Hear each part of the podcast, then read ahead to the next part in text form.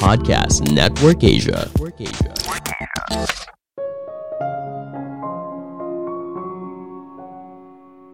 Setiap orang punya situasi dan kondisi yang berbeda.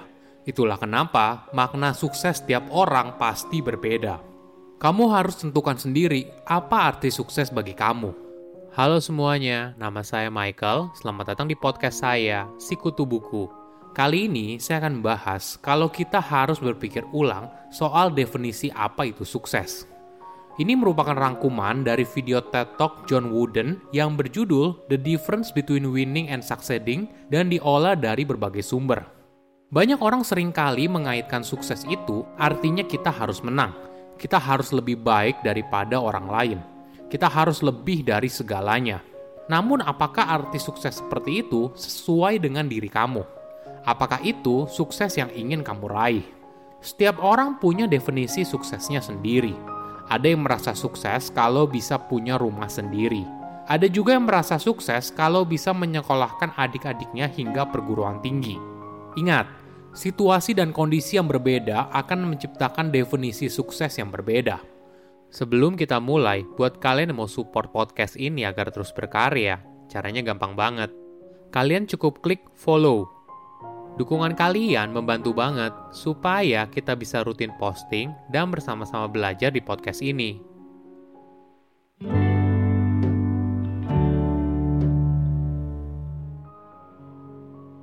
Apa itu sukses menurut kamu? Setiap orang punya definisi suksesnya masing-masing. Ada yang menganggap sukses itu artinya kamu punya banyak uang atau mencapai posisi tertentu misalnya direktur atau bahkan pemilik perusahaan atau apa pun yang berkaitan dengan pencapaian luar biasa. Namun kita jangan terjebak dengan definisi yang dibuat oleh orang lain. Kamu harus tentukan sendiri sukses menurut kamu itu seperti apa. John mulai mendefinisikan sendiri suksesnya ketika dia menjadi guru bahasa Inggris. Sebagai informasi, John Wooden merupakan pelatih liga basket universitas legendaris di Amerika Serikat Saking hebatnya, John bahkan diberi julukan The Wizard of Westwood, yang artinya penyihir dari Westwood. Di tangan John, tim dari University of California Los Angeles atau disingkat menjadi UCLA memenangkan 10 kejuaraan basket berturut-turut selama 12 tahun. Ditambah lagi, tim yang dilatihnya berhasil menang 88 kali berturut-turut dan John menjadi National Coach of the Year sebanyak 6 kali. Menariknya, John tidak hanya dikenal sebagai pelatih yang hebat, tapi di sisi lain dia juga merupakan seorang guru dan mengajarkan banyak pelajaran hidup pada anggota tim yang dilatihnya. Oke, kembali pada John. Pada tahun 1934, John mengajar bahasa Inggris untuk anak kelas SMA. Saat itu, dia merasa sedikit kecewa karena orang tua murid berharap anaknya untuk mendapat nilai A atau nilai B. Mereka pikir nilai C hanya untuk anak tetangga mereka, karena mereka adalah anak rata-rata. Namun ketika anaknya sendiri mendapat nilai C, mereka tidak terima. Mereka menganggap gurunya gagal atau anak mereka sendiri yang gagal. Tentu saja hal ini yang kurang tepat. Setiap orang tidak memiliki kemampuan yang sama untuk memahami mata pelajaran tertentu. Analoginya begini, jika kita menilai setiap hewan dari caranya memanjat pohon, maka ikan akan selalu mendapat nilai terburuk. Sama halnya tidak setiap siswa bisa mendapat nilai A atau B di mata pelajaran tertentu. John lalu teringat masa kecilnya. Saat itu, ayahnya selalu mengajarkan kepada anak-anaknya jangan berusaha untuk lebih baik daripada orang lain. Selalu belajar dari mereka. Fokuslah untuk menjadi versi terbaik dari dirimu sendiri. Itu yang bisa kamu kontrol. Jika kamu menghabiskan banyak waktu dan energi untuk hal yang tidak bisa kamu kontrol, maka hal ini akan mempengaruhi hal yang bisa kamu kontrol. Dari situ, John akhirnya punya definisinya sendiri soal apa itu sukses. Bagi dia, sukses adalah ketenangan batin yang berasal dari kepuasan kalau kita berhasil melakukan usaha terbaik yang kita bisa. Jika kamu selalu berusaha untuk melakukan yang terbaik, berusaha meningkatkan situasi dan kondisimu saat ini, maka itulah sukses. Jangan gunakan standar orang lain sebagai definisi sukses. Setiap orang punya situasi dan kondisi yang berbeda. Ada orang yang merasa kalau bebas finansial di umur 30 tahun baru sukses. Tapi ada juga orang yang merasa kalau bisa membayar semua hutang orang tuanya ketika lulus kuliah merupakan kesuksesan. Ingat, situasi dan kondisi setiap orang berbeda. Inilah kebijaksanaan yang harus kita miliki dalam melihat sukses.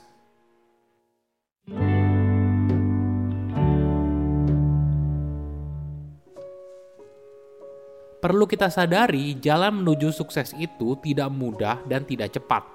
Jangan berharap kita bisa mencapai semua hal tersebut dengan instan. Kita perlu bersabar dan yakin kalau apa yang kita lakukan saat ini mendekatkan kita pada masa depan yang kita inginkan.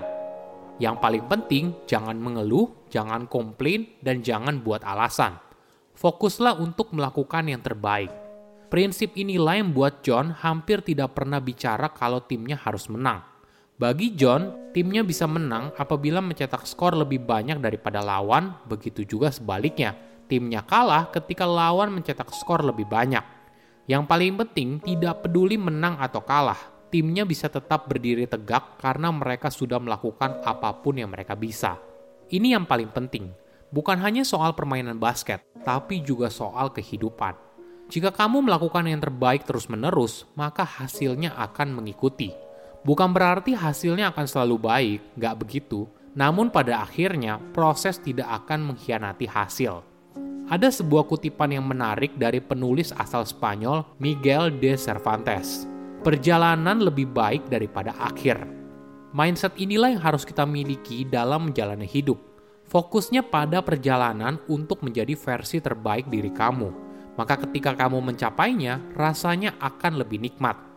John bercerita ada tiga prinsip yang selalu dipegang teguh untuk melatih para pemainnya menjadi juara. Pertama, jangan telat. Ini pesan yang berharga. Mungkin kelihatannya sederhana, tapi tidak banyak orang yang benar-benar menjalankan prinsip ini dengan baik. Contoh sederhana ketika kamu membuat janji temu dengan teman, apalagi kalau beramai-ramai. Berapa banyak yang datang tepat waktu? mayoritas pasti telat, bahkan ada yang sampai telat hingga satu jam. Saya rasa hal ini tidak baik. Jika kamu tidak bisa komitmen datang di jam tersebut, ya jangan bilang kalau kamu akan datang di jam tersebut. Ketika kamu telat, itu sama saja artinya kamu tidak menghargai orang lain. John menjalankan prinsip ini dengan serius, mulai latihan tepat waktu dan selesai tepat waktu. Kedua, jangan berkata kasar. Ya mungkin saja dalam pertandingan ada hal yang tidak sesuai. Namun John tidak mentolerir hal ini. Ketika ada salah satu anak didik yang berkata kasar, maka dia akan keluar dari lapangan. Ketiga, jangan mengkritik teman satu tim. Saat kebobolan atau kalah dalam pertandingan, wajar saja apabila kita frustasi. Tapi jangan sampai situasi ini menjadi ajang saling menyalahkan. John tidak ingin anggota satu timnya melakukan hal tersebut biarlah dia saja yang melakukan tugas itu karena ya memang tugas dia sebagai pelatih.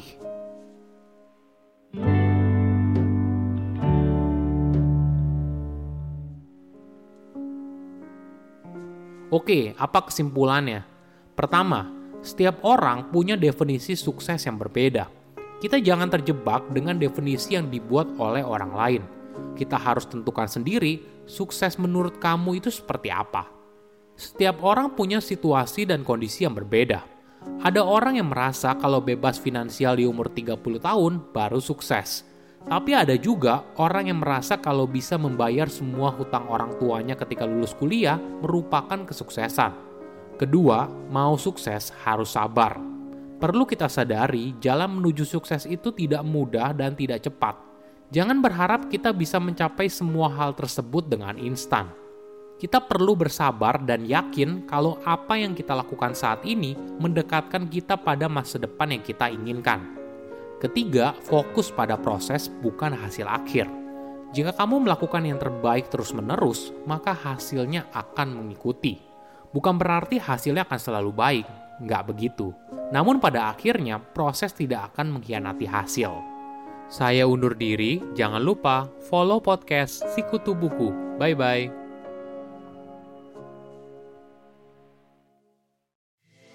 Halo teman-teman, Erwin Parengkuan di sini. Bagaimana?